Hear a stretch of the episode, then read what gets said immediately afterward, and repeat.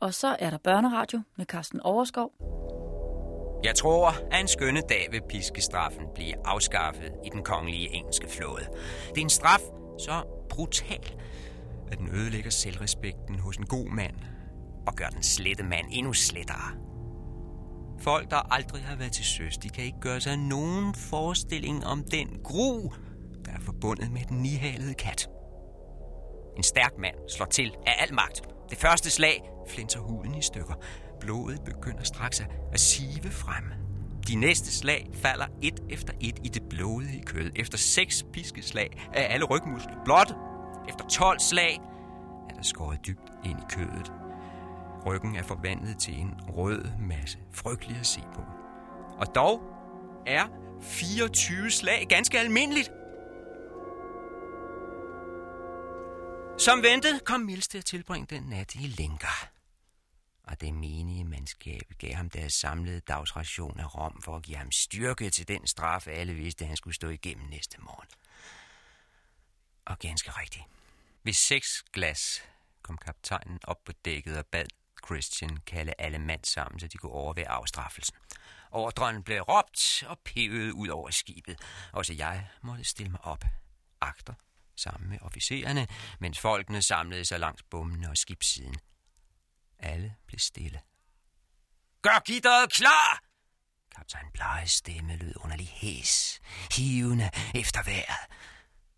Tømmermanden gjorde, som han sagde, tog en af de tunge træreste, der lå over lurerne og stillede den på høje kant op ad lønningen. Træmmeværket er parat, sir. John Mills, træd frem! Mills var rød i hovedet af al den rom, han havde fået i nattens løb. Men han var altid en hård negl, også uden at have drukket. Trossen lyste ud af øjnene på ham, da han trådte hen foran blege. Har de noget at sige til deres forsvar? Nej, sør. Så af med skjorten! Her står vi ved starten af tredje del. Endnu et skridt nærmere mytteriet på Bounty.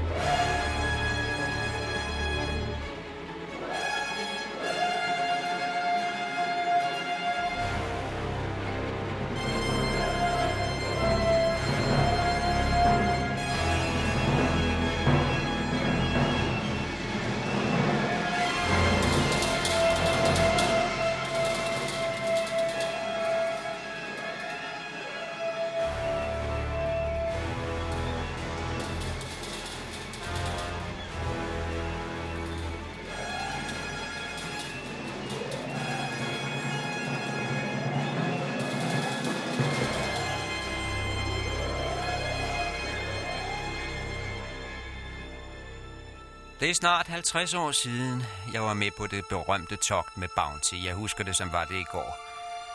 Vi var stadigvæk på udturen. Vi var nået til Brasilien. Det vil sige, vi lå ud for kysten i vindstille. Og det var der en af matroserne, der benyttede sig af John Mills til at få fanget en haj og på den måde skaffe sig lidt frisk føde til afveksling for det evindelige saltkød fra tønderne.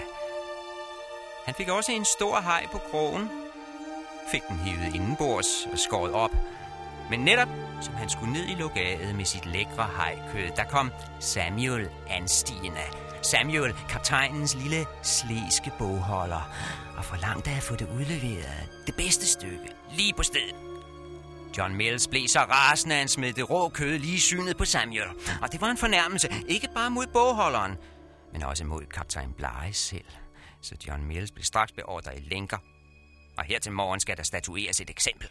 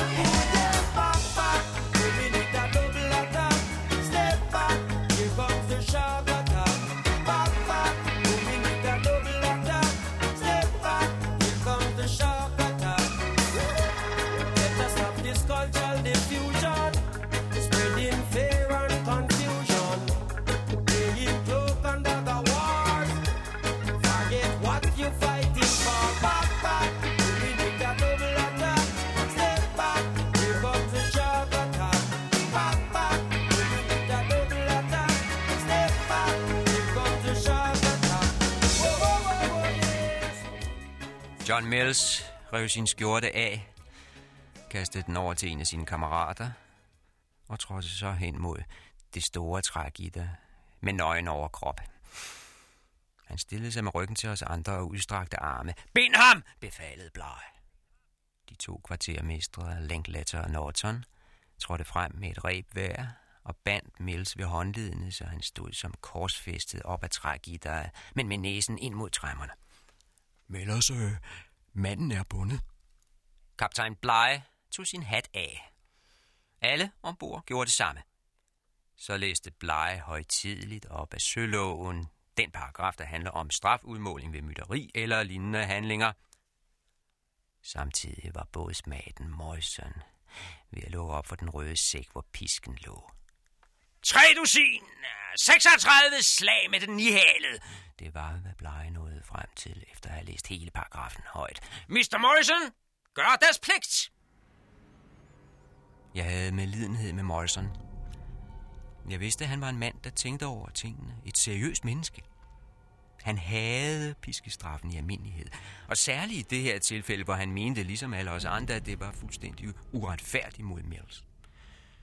Men som bådsmandsmat var det Møjsons job at svinge den nihalede kat, og han havde ingen mulighed for at slikke på slagen og gøre dem mildere, når kaptajn Bly stod lige ved siden af.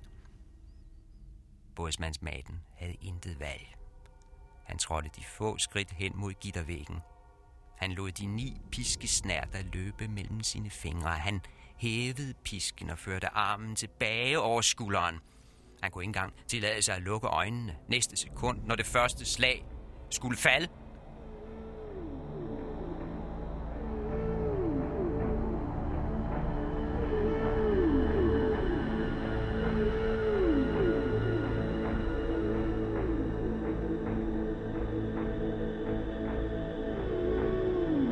From space, the planet is blue.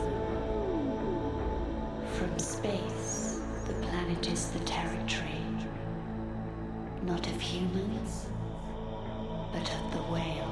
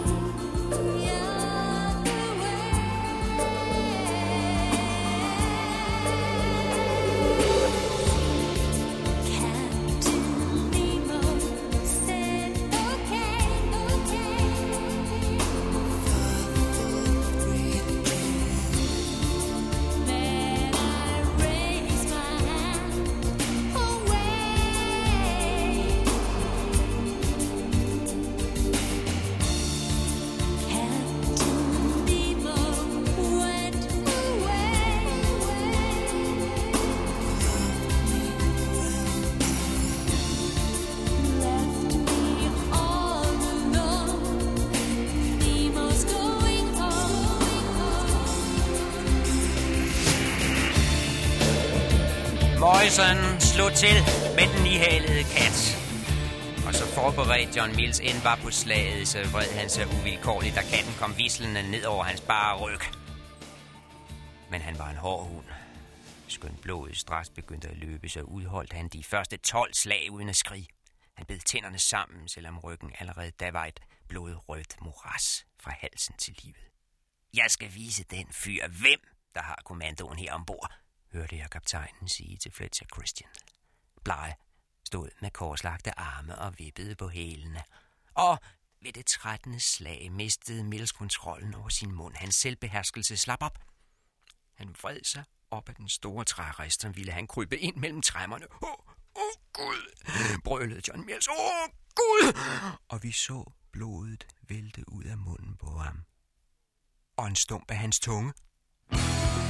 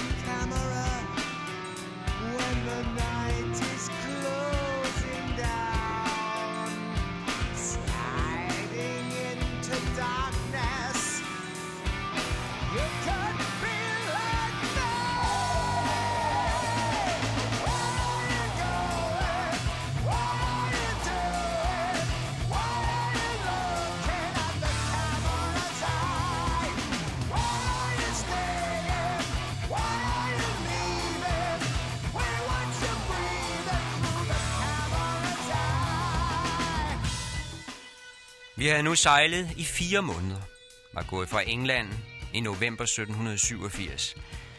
Nu var det marts måned, og Bounty var stadig på vej ned langs Sydamerikas østkyst, for kaptajn Bleje havde besluttet sig til at gå syd om Kap Horn over i Stillehavet. Jeg skulle måske lige minde om planen for hele togtet. Vores første mål var øen Tahiti, midt i Stillehavet, 17 grader syd for ekvator, præcis midtvejs mellem Sydamerika og Australien. Tahiti altså. Der skulle vi laste skibet med unge skud af brødfrugttræet og sejle dem til Vestindien. Det vil sige om på den anden side af Sydamerika, eller den halve klode rundt, hvis vi fortsatte af den vestlige kurs tværs over det indiske ocean syd om Afrika. Samlet skulle vi sejle hele jorden rundt, plus turen hjem til England, når brødfrugttræerne til sin tid var sat af og plantet ud på de vestindiske øer. Det var planen. Det ville tage mindst to år, og forløbig befandt vi os kun på den første strækning sydpå over Atlanten. Tidlig i marts 1788 lå vi ud for Argentina, og nu fik vi ordre til at skifte fra tropetøj til noget mere varmt. For det første var det ved at blive vinter på den sydlige halvkugle, og for det andet skulle vi helt ned om Kap Horn, helt ned på kanten af Antarktis, for at komme over i Stillehavet. Vejret blev køligere og køligere fra dag til dag. Altså blev det tykke tøj fundet frem, bremstængerne blev taget ned, nye sejl slået under, og skibet blev det hele taget rigget til, så det kunne modstå de orkaner, der helt sikkert ville komme. It was like riding a cork over a waterfall, sir. And wind is not the name for what blows in your face. It's something made of iron. Swings at you from the west, never changing, day in and day out. With seas as high as the mainmast. We had lifelines rigged everywhere, sir, and there were still 16 men washed overboard. Cold. Three men frozen the yards. Frozen stiff, sir. Couldn't get them down without cutting their fingers loose from the shrouds. I was lucky. All hands on deck. We'll run afloat.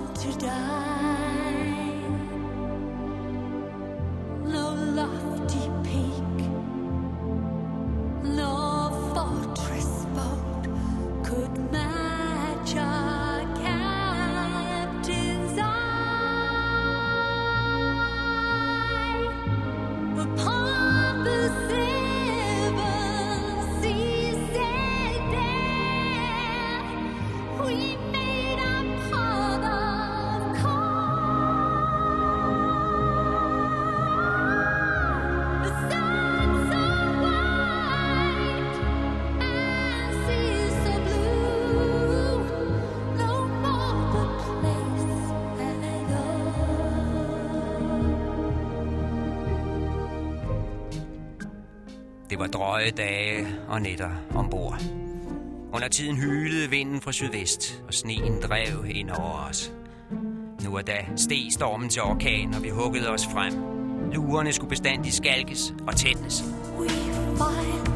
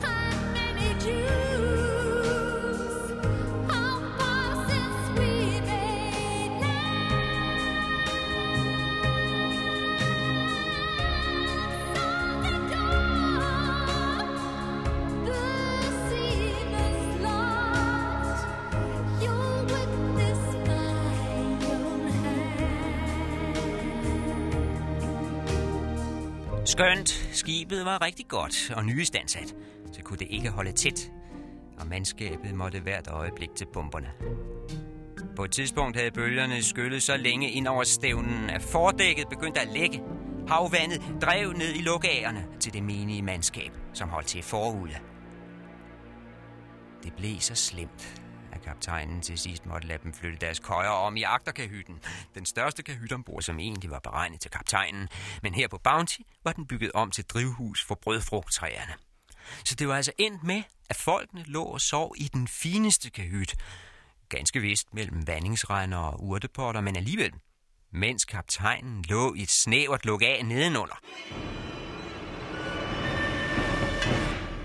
Kap Horn er en plage.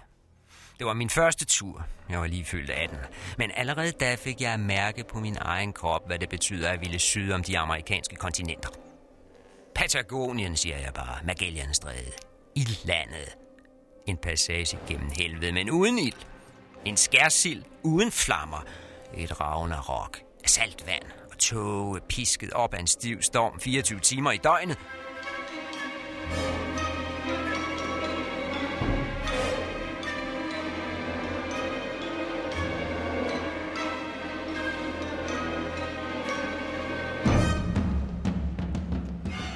Man fortæller mig, at der nu er planer om at grave en kanal gennem landtangen mellem Nord- og Sydamerika på et sted, der kaldes Panama, så man undgår at skulle sydom for at komme fra Atlanten til Stillehavet. Det er tankespil, det er fantasteri, og det vil naturligvis aldrig kunne gennemføres. Og selv hvis man kunne konstruere en kanal på det sted, så ville det være pjank og pjat og imod naturens orden. Ligesom Suezkanalen, som efter min mening aldrig vil føre til andet end strid og kiv, hvis den da nogensinde bliver færdig. Eller forestil jer, hvis man gravede en tunnel under den engelske kanal over til de franske frøædere. Det ville være begyndelsen til enden for britisk civilisation. Et slag i ansigtet på engelsk storhed. Det vil naturligvis aldrig ske. Der findes heldigvis ting, der står fast. Urokkelige til evig tid. Og en af de ting er Kap Horn.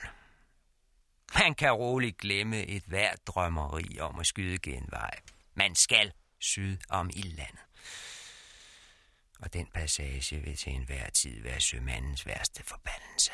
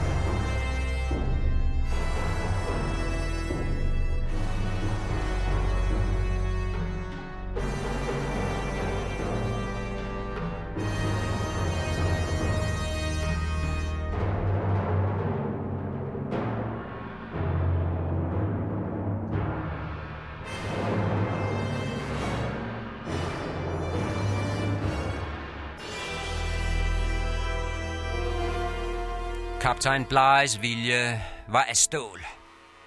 Vi skulle syd om Kap Horn. Længe nægtede han at vige for sin beslutning. Det var nu engang bestemt sådan, sådan skulle det være. Skønt den hver kunne se, at vi var kommet et par måneder for sent afsted, og var rent ind i det værste efterårsuvær på den sydlige halvkugle. Først efter en måned gav han op, højst nødtvunget, og gav ordre til at lægge roret om og sætte kursen østover mod Kap det Gode Håb. Til stor glæde og befrielse for alle ombord. Og da der så ovenikøbet kom fint vejr, og det gik rask øst på, over mod Afrikas sydspids, så steg humøret hurtigt blandt folkene.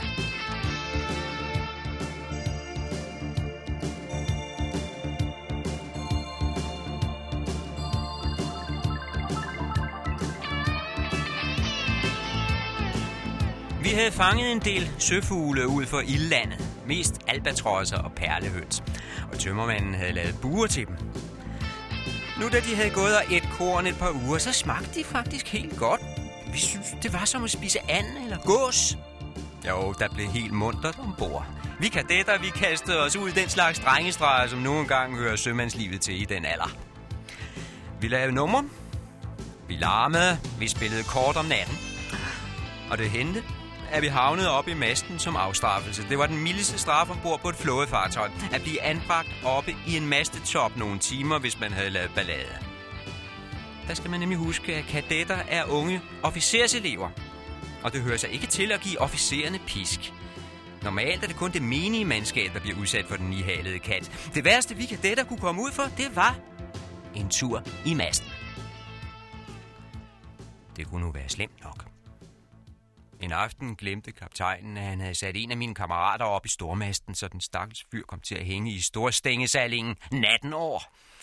Og det var en meget kold nat. På højde med Tristan da Cunha. Det tog faktisk et par timer at få liv i ham igen næste morgen. Men som sagt, det var det værste, vi kunne komme ud for. Og det stoppede os ikke. Vi var drenge dengang. Vi var 16-19 år gamle. Fire unge lømler stuede sammen i verdens mindste kahyt. Så allerede samme dag var vi i gang med nye løjer. Ja.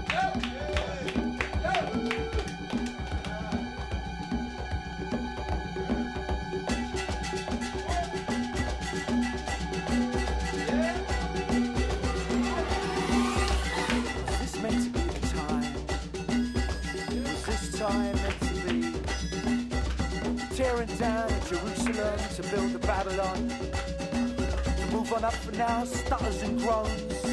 Unity joins love and free is an officially meaningless term. Hope sold by the ground. Generals are praying for the old ways.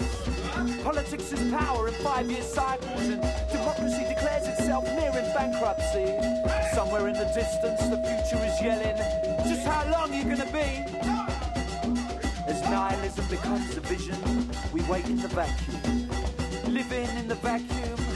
Where all is knowledge and information, but where nothing is real. Where all is words, but with nothing to say. Where all is reason and science, and we go shopping for a god and get the god of shopping. Was this the time for preventable starvation still to be killing? Was this the time for the Muslim Christian wars? Was this the time to be marching on racists? Smoke rising from the forests, and we lose the secrets. One more species passes to extinction, and we lose the secrets. Was this meant to be the time? Was this meant to be the time? Was this meant to be the time? Was this time meant to be? Was this time meant to be?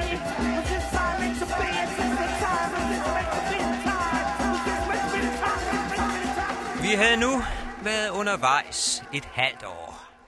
Bounty var gået fra England den 28. november 1787. Det var i marts 88, vi lå ud for Argentina og prøvede at komme syd om Kap Horn. Og omkring 1. april, kaptajn Bly måtte opgive den plan. I april og maj sejlede vi så tilbage over Atlanten igen, men på en meget sydligere kurs over mod Afrikas sydspids. Den 23. maj 1788 kunne vi lægge ind i Valsbeje ved Kapstaden. Og der lå vi i over en måned. Fik nye forsyninger ombord, fik skibet tæt og tjære, for Bounty havde lægget kraftigt hele vejen over fra Kap Horn. Vi havde været nødt til at pumpe dag og nat de sidste to måneder. Alligevel så må jeg sige, at den del af udturen, fra Kap Horn til Kap det Gode Håb, den står for mig som den lykkeligste. Jeg husker de måneder, som andre mænd erindrer de lystige episoder i deres soldatertid, som en lys tid, nærmest ubekymret. Men den 29. juni var det fornøjeligt forbi. Den dag lagde vi ud fra Kapstaden og udvekslede kanonsalut med det hollandske fort. 13 skud hver. Og i det her tilfælde må 13 have været et uheldigt tal, for den videre færd mod øst viste sig at blive lang, kold og uhyggelig. Kaptajn Bly havde igen valgt en meget sydlig kurs. I stedet for at gå op i det indiske ocean op omkring den 20. breddegrad, hvor Tahiti ligger, det vil sige gå via Indonesien og Ny Guinea nord om Australien. Og der havde han bestemt sig til at stå syd om Australien. Og det betød, at vi i lang tid lå neden for den 40. 20. breddegrad. Vi havde rygvind konstant fra vest og sydvest, og behøvede kun føre fok og et klodsrebet stor masse sejl. Men Det var midt om vinteren i det område. Det var juli, august. Blæsten gik gennem marv og ben. Bølgerne var høje som bjergkamme. Ret meget andet husker jeg ikke. Men det var en rå tur.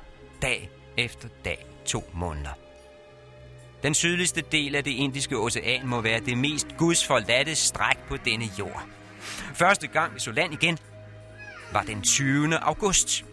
Og to dage efter den 22. august 1788, kunne vi kaste anker ved Tasmanien, en ø syd for Australien. Adventure Bay hed stedet, men der var ikke meget eventyr over det. En forrevet klippekyst var det. Ferskvand fandt vi, og lidt tømmer. Men det vi virkelig trængte til, var friske fødevarer, det var det småt med. Der var ingen fisk at fange, og de muslinger, man kunne finde mellem skærene, de viste sig at være giftige. Den eneste, der fik sig et kosttilskud på Tasmaniens kyst, det var kaptajn Blege. Han tillod sig nemlig et par jagtudflugter i land, så han, ene mand, kunne frose i Viland, for eksempel, mens mandskabet halssultede, og der også blandt officererne var stigende utilfredshed. Faktisk tror jeg ikke, de var på talfod længere, officererne og kaptajnen. Første styrmand Fryer malede ikke et ord til Blige, hvis han kunne undgå det, og Fryer var hans næstkommanderende. August måned 1788. En sur og bitter tid syd for Australien, og vi var stadig syv ugers sejlads fra den første Sydhavsø.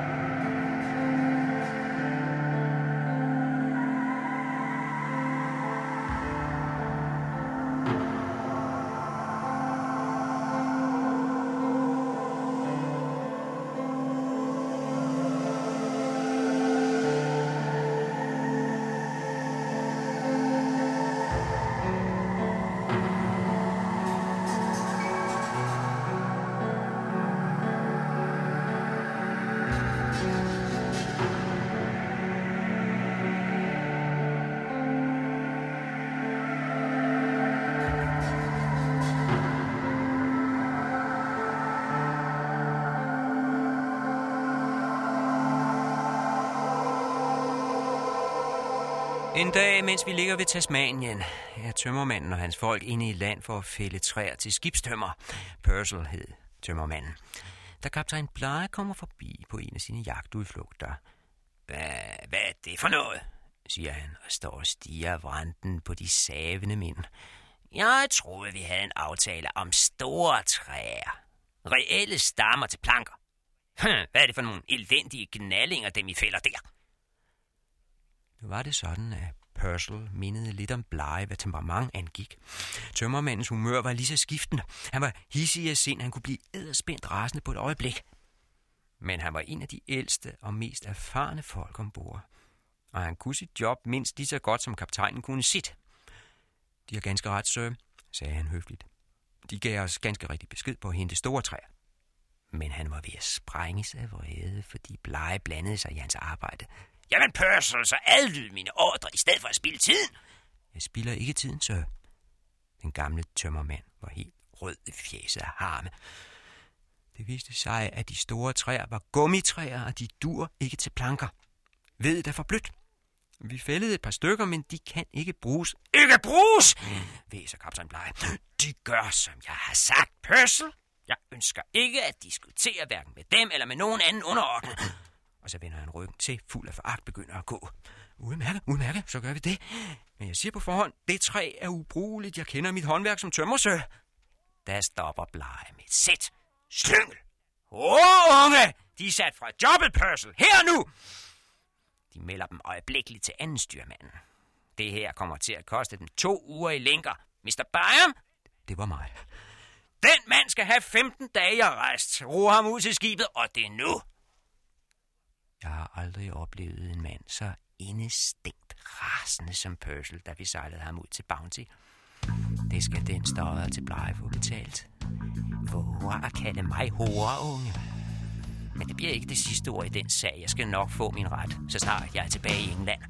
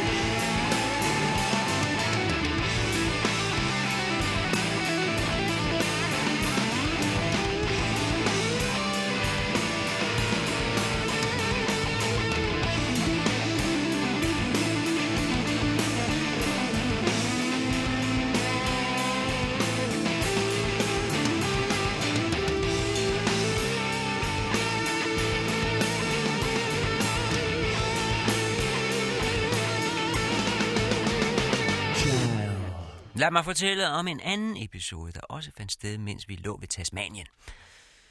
Det var Ned Young, en af mine kadetkammerater, der var sendt ind til stranden for at samle skalddyr og krabber, særligt til de mange syge, vi havde ombord. Young havde fået tre matroser med ind til kysten, og en af dem var Dick Skinner, som også var barber ombord på Bounty. De ror altså afsted i retning af det klippeskær nogle sømil væk for at fange krabber. De først hjemme igen, da mørket er faldet på. Og der er det net Young må meddele blege, at matros Skinner ikke er med tilbage. Skinner havde fundet et hul træ med bier og honning, og Young havde givet ham lov til at ryge bierne ud, så de kunne få honning med hjem til skibet. Imens havde de andre så samlet skalddyr nede ved vandet, og da båden var fuld, var de gået tilbage til træet. Det røg godt nok fra træstammen, men Skinner var sporløst forsvundet. Så var de trængt længere ind i skoven og havde råbt efter ham. Men da solen gik ned, havde de stadig ikke fundet Dick Skinner. Young beklagede meget. Blege var rasende. Det var han allerede i forvejen, for han havde tænkt sig at blive barberet i eftermiddag, så havde så opdaget, at Skinner var væk.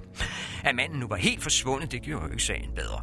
Gid fanden stå i dem, og i alle kadetter, skreg han ind i ansigtet på Ned I er ens alle sammen.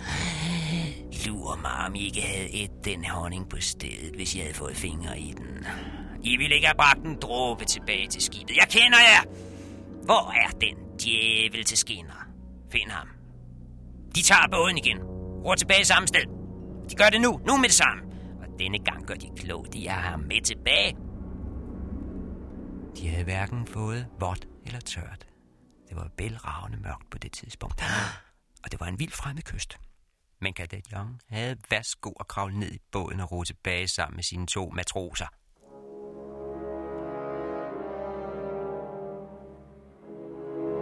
Snart var de forsvundet ud i natten, og højst sandsynligt havde vi set dem for sidste gang. For snart skulle de famle sig vej gennem det dunkle krat og rive sig til blods på tårnene i den kulsorte urskov på Tasmaniens kyst.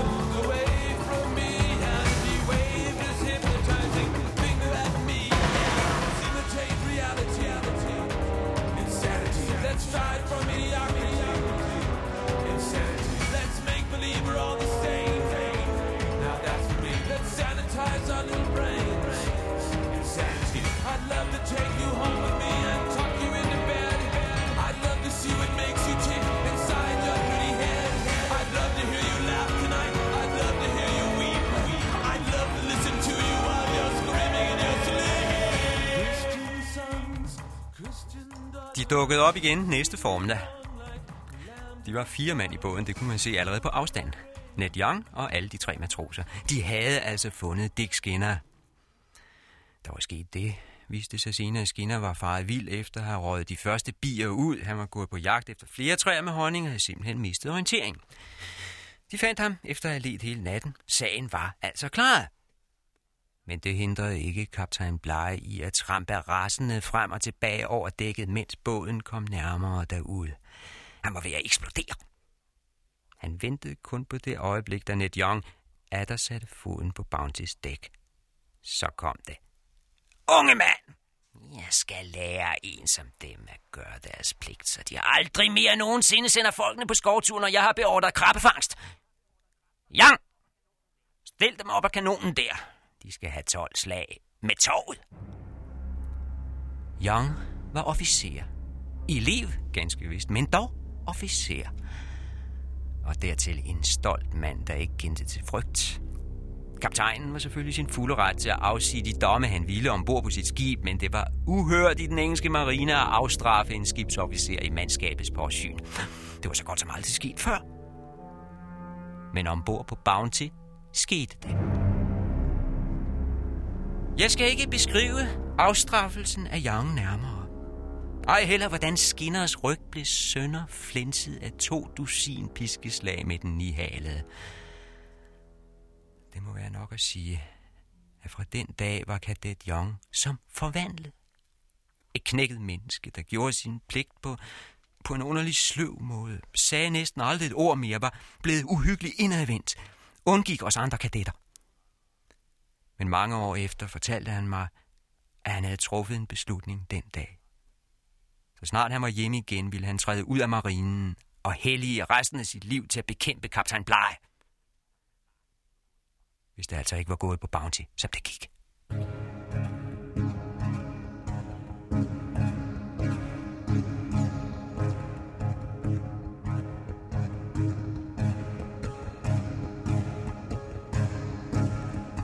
I offer you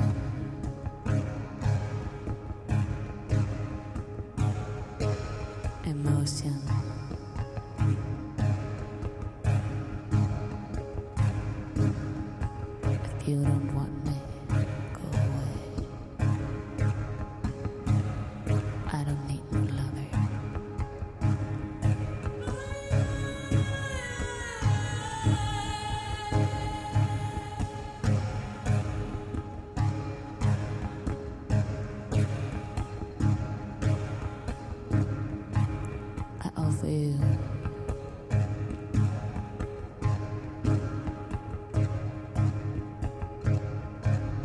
Ability.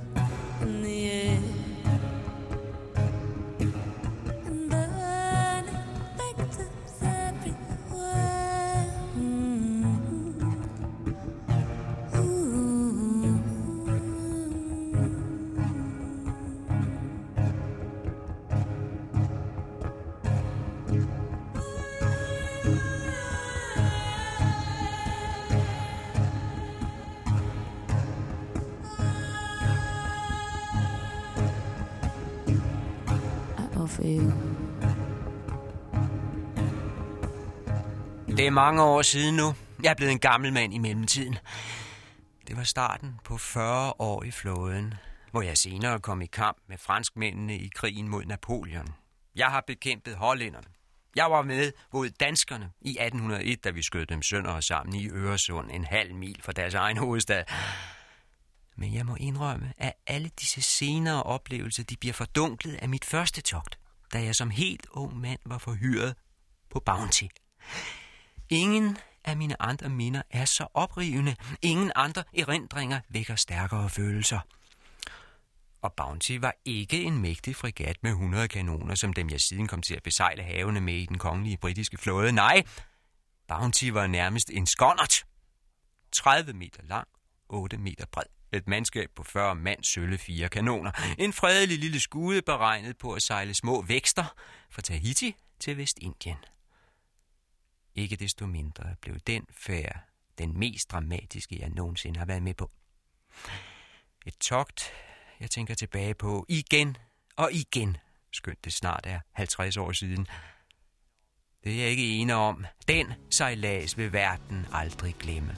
Den sørejse, der endte i mytteriet på Bounty.